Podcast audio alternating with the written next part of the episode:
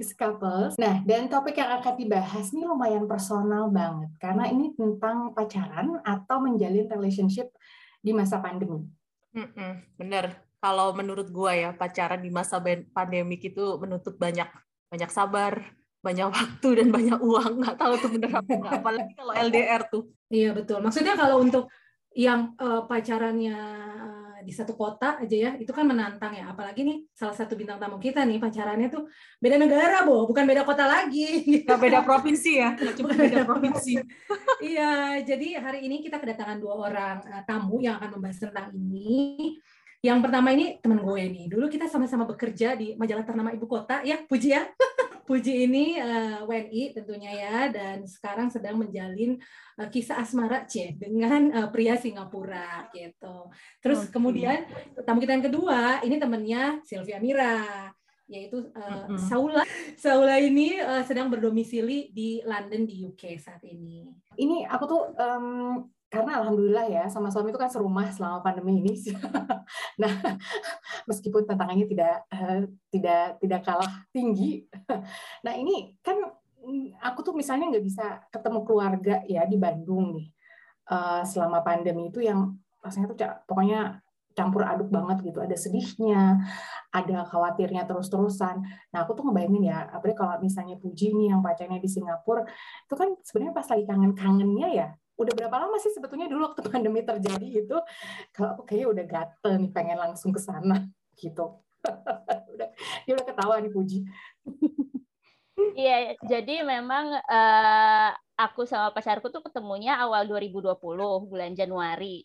Terus waktu pandemi uh, apa COVID-19 itu dinyatakan sebagai pandemi itu kan pertengahan Maret. Jadi itu masih uh, pasangan baru banget gitu ya, yang masih hopeful Lagi banget. anget-angetnya lah ya. Iya, pandemi oh paling tiga bulan selesai.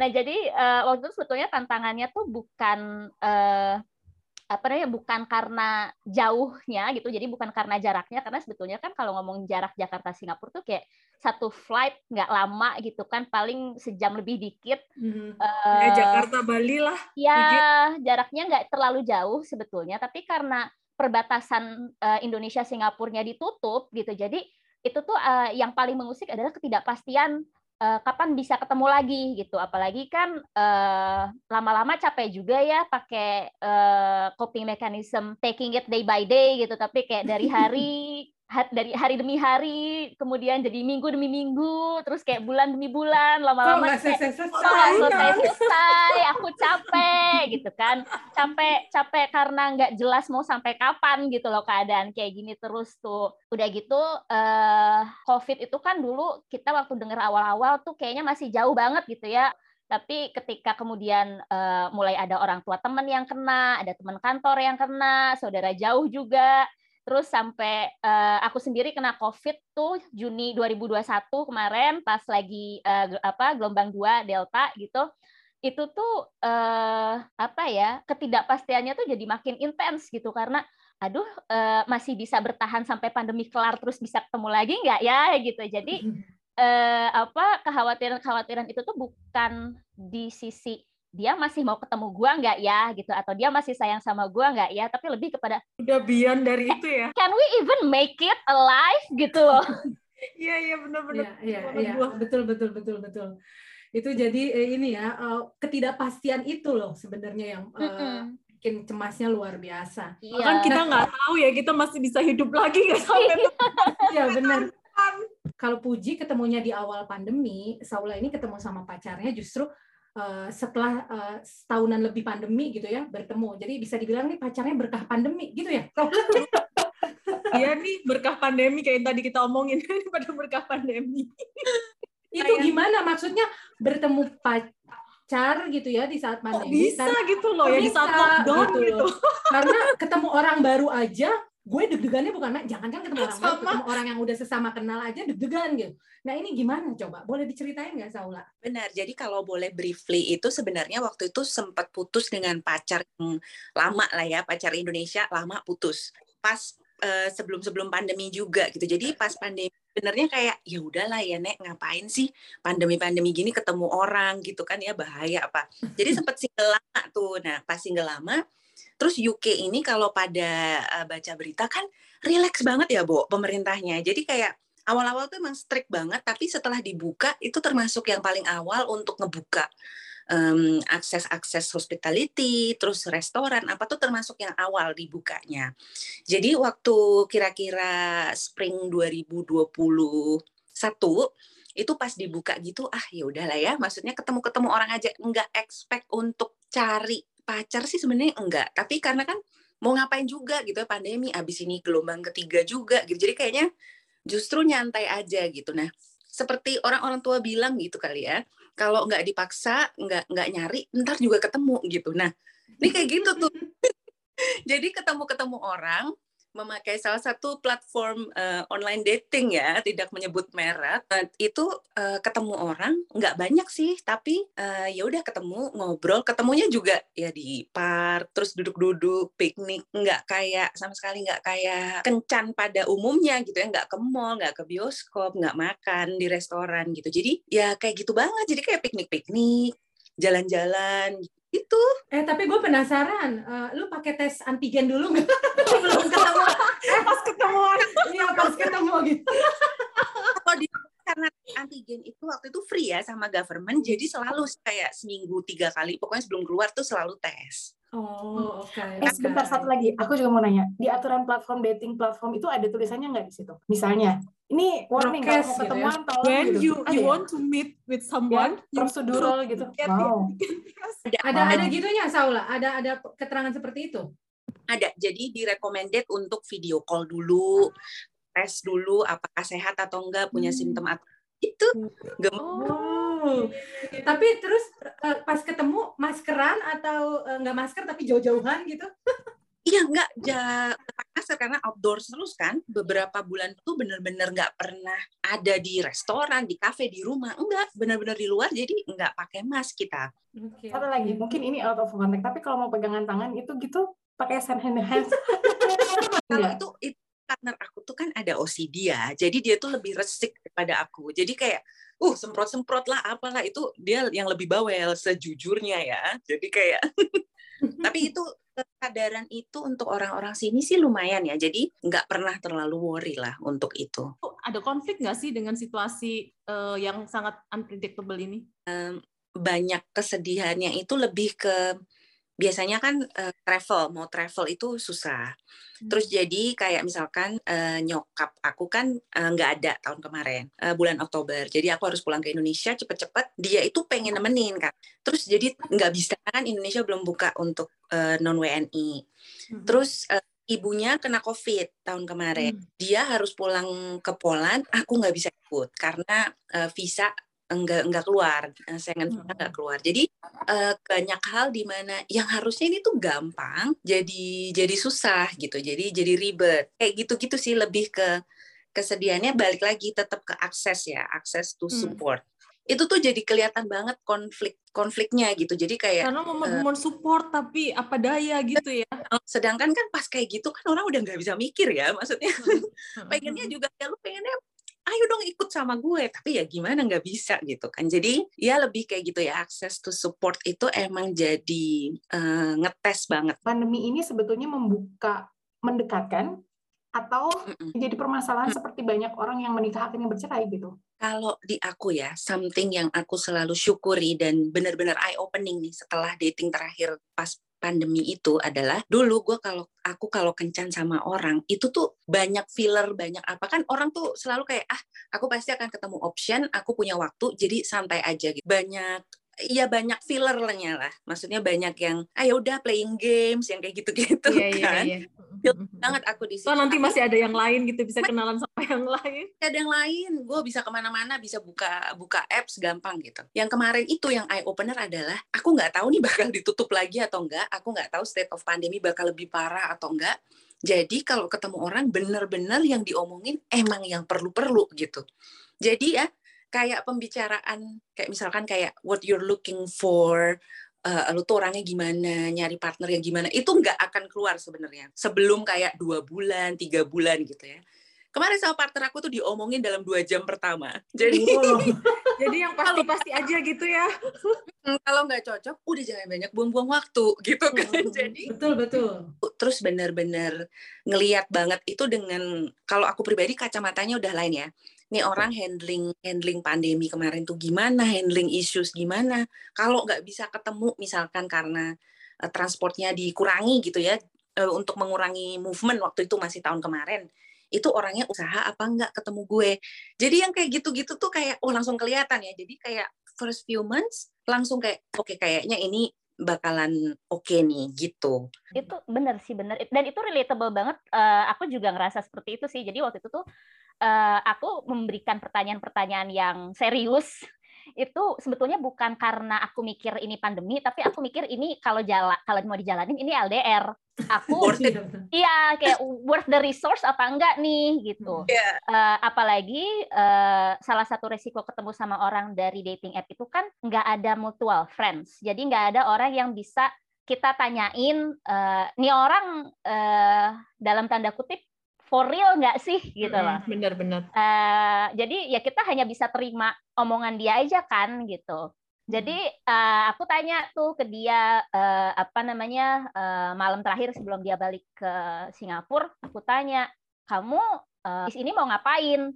Eh, kamu nyari apa gitu? Karena ya kalaupun lu pengen ngobrol doang sama gue juga gue sih nggak masalah ya. Yang penting kita sama-sama tahu bahwa yang yang kami cari dari satu sama lain itu eh, sama gitu loh. Tapi terus eh, ya dia juga tidak menjanjikan apa pun, tapi dia ngomong ya I think we can make it work. Terus kayak ya udah gitu kan. Dua setengah tahun kemudian ya we ya masih begini-begini aja gitu.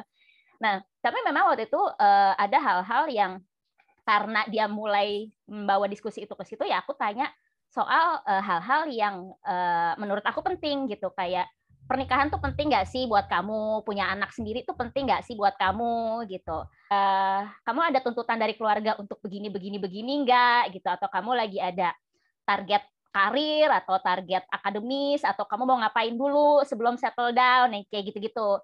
Karena eh, kalau waktu aku apa namanya match sama orang-orang Indonesia tuh rata-rata mereka tuh kayak eh, apa ya either mereka udah ngebet banget pengen nikah atau malah mereka nggak tahu mau ngapain dalam hidupnya dan berharap bahwa ada cewek yang datang untuk mengarahkan apa memberikan arah hidup gitu loh like I cannot be either of those things jadi jadi Oh, eh, gitu. iya jadi mungkin juga akhirnya ternyata klopnya sama orang asing ya mungkin karena apa yang aku cari tidak dicari oleh laki-laki Indonesia pada umumnya Menurut kalian berdua ya apa sih yang membuat kalian bertahan gitu? Aku kalau di aku sendiri, em, kalau sedikit boleh lebih jujur, sebelum-sebelumnya tuh aku kalau pacaran tuh agak ngoyo. Jadi Hmm. kayak itu ke mana, itu harus diplan, kita mau ngapain, kita tuh mau ke mana gitu dalam dalam empat tahun tuh kita ke mana? Kebiasaan jadi project management ya. Nah di yang sekarang ini, ketika dijalaninnya serius tapi santai, itu tuh malah lebih kalau aku apa kalau kata orang Jawa tuh lebih ayem.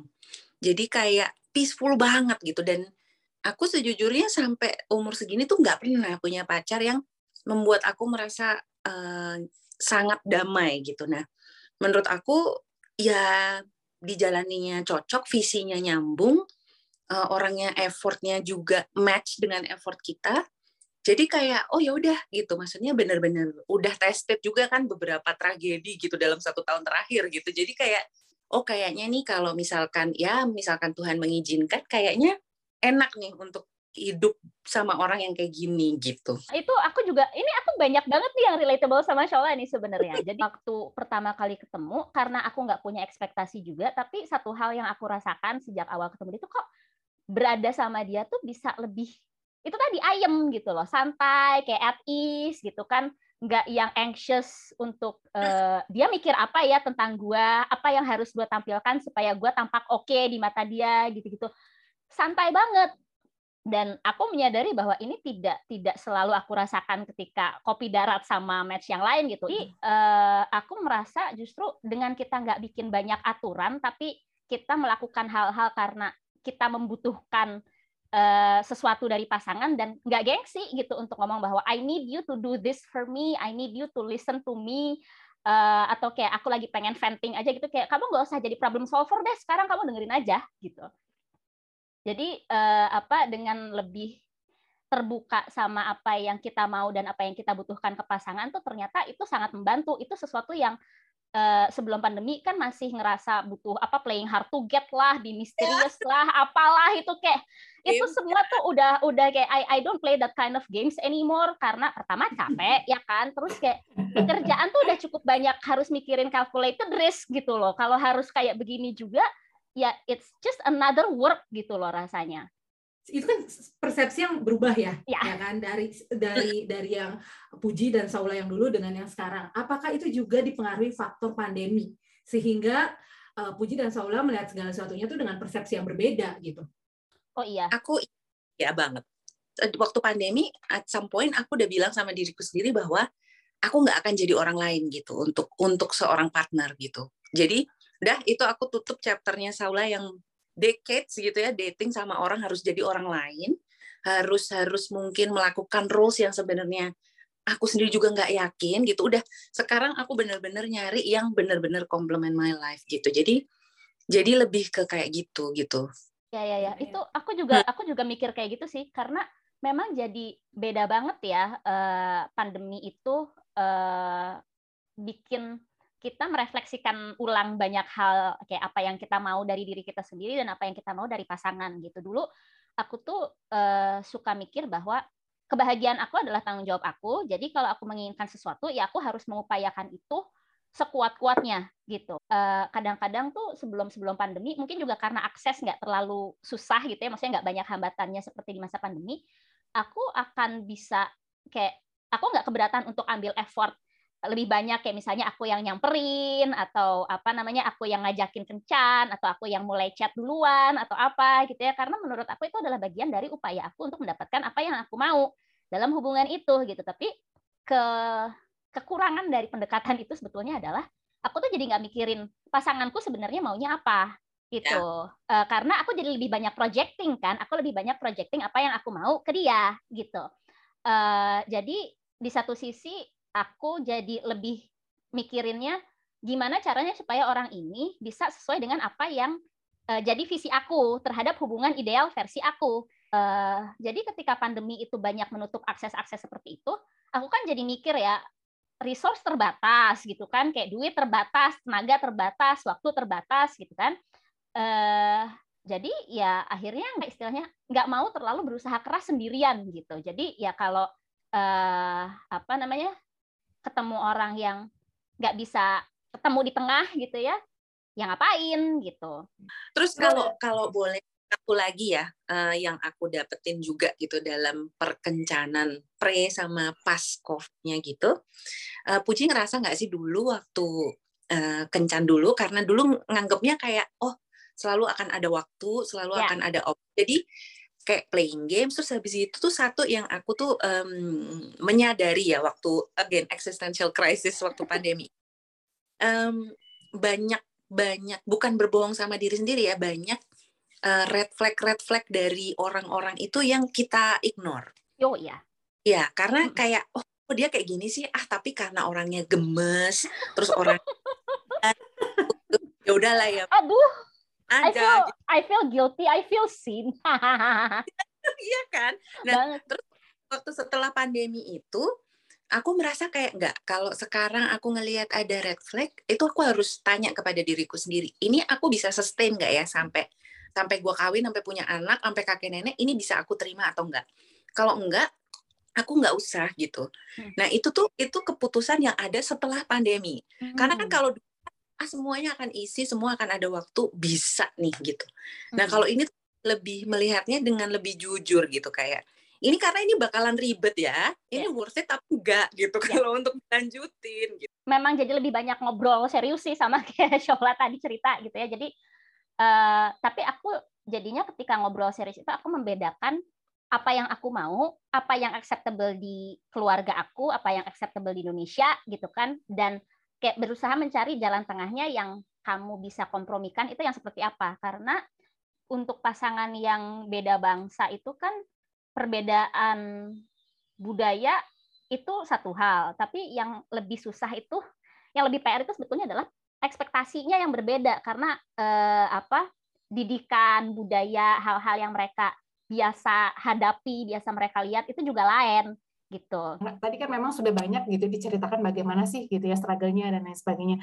Ada tips-tips yang bisa diberikan nggak buat pendengar mixed couples juga yang misalnya sekarang ini masih dalam uh, ini penjajakan. penjajakan gitu. Kayaknya kalau kan kesannya, oh ini gue udah oke okay banget nih. Kayaknya mungkin sharing kali ya. Iya, iya, iya. Ya. Boleh. Uh, kalau misalkan uh, beda budaya yang tadi ya di dibilang Puji juga gitu, yang aku pelajari banget itu adalah yang tadi Puji udah mention juga uh, expectation.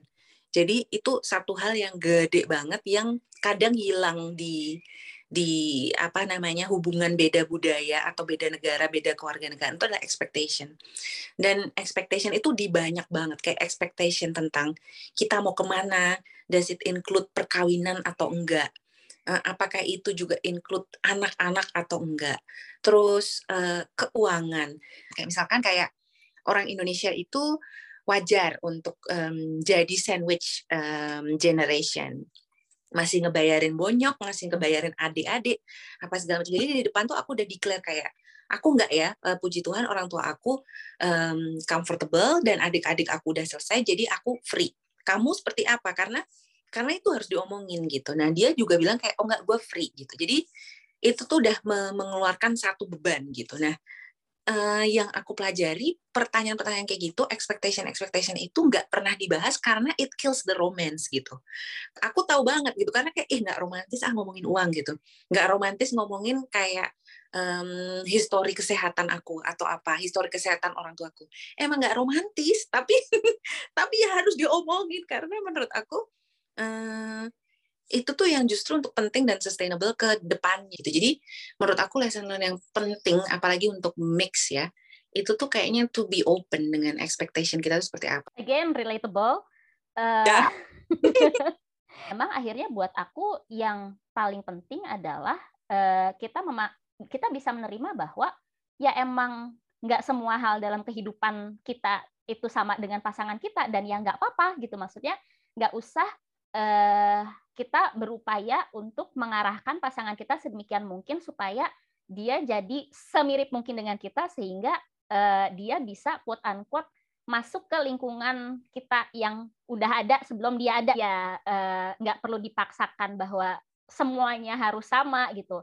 Dan uh, benar memang bahwa ada hal-hal yang tidak romantis gitu ya yang apa yang uh, dibicara yang akhirnya memang sebetulnya perlu dibicarakan ketika uh, sejak awal pacaran. Kalau buat aku kenapa itu penting? Karena kalau semua hal yang romantis itu dibicarakan sebelum menikah dan semua hal yang tidak romantis itu disimpan sampai apa sampai kemudian baru nikah, mau jadi apa pernikahan Anda? Istilahnya yang bisa kita uh, simpulkan hari ini adalah Eh, pandemi tidak hanya membawa tantangan tapi juga membawa manfaat ya. Ada perubahan-perubahan pola pikir dalam hubungan yang bisa kita pelajari hari ini dari Shaula dan Puji gitu ya. Dan yang pasti mudah-mudahan ini bisa jadi masukan. So thank you banget Shaula, thank you banget Puji gitu ya, thank ya you. sudah thank ngobrol so dengan kita hari ini gitu. Kita bisa belajar banyak dan mudah-mudahan teman-teman lain yang uh, setia mendengarkan Mix Couples juga gitu ya. Jadi jangan lupa uh, follow Instagram kita di uh, @mixcouples.id atau email juga ke kita di mixcouples.id@gmail.com. Dan uh, ya, sampai ketemu lagi di edisi lainnya. Terima kasih ya. Bye. Terima kasih, Terima kasih.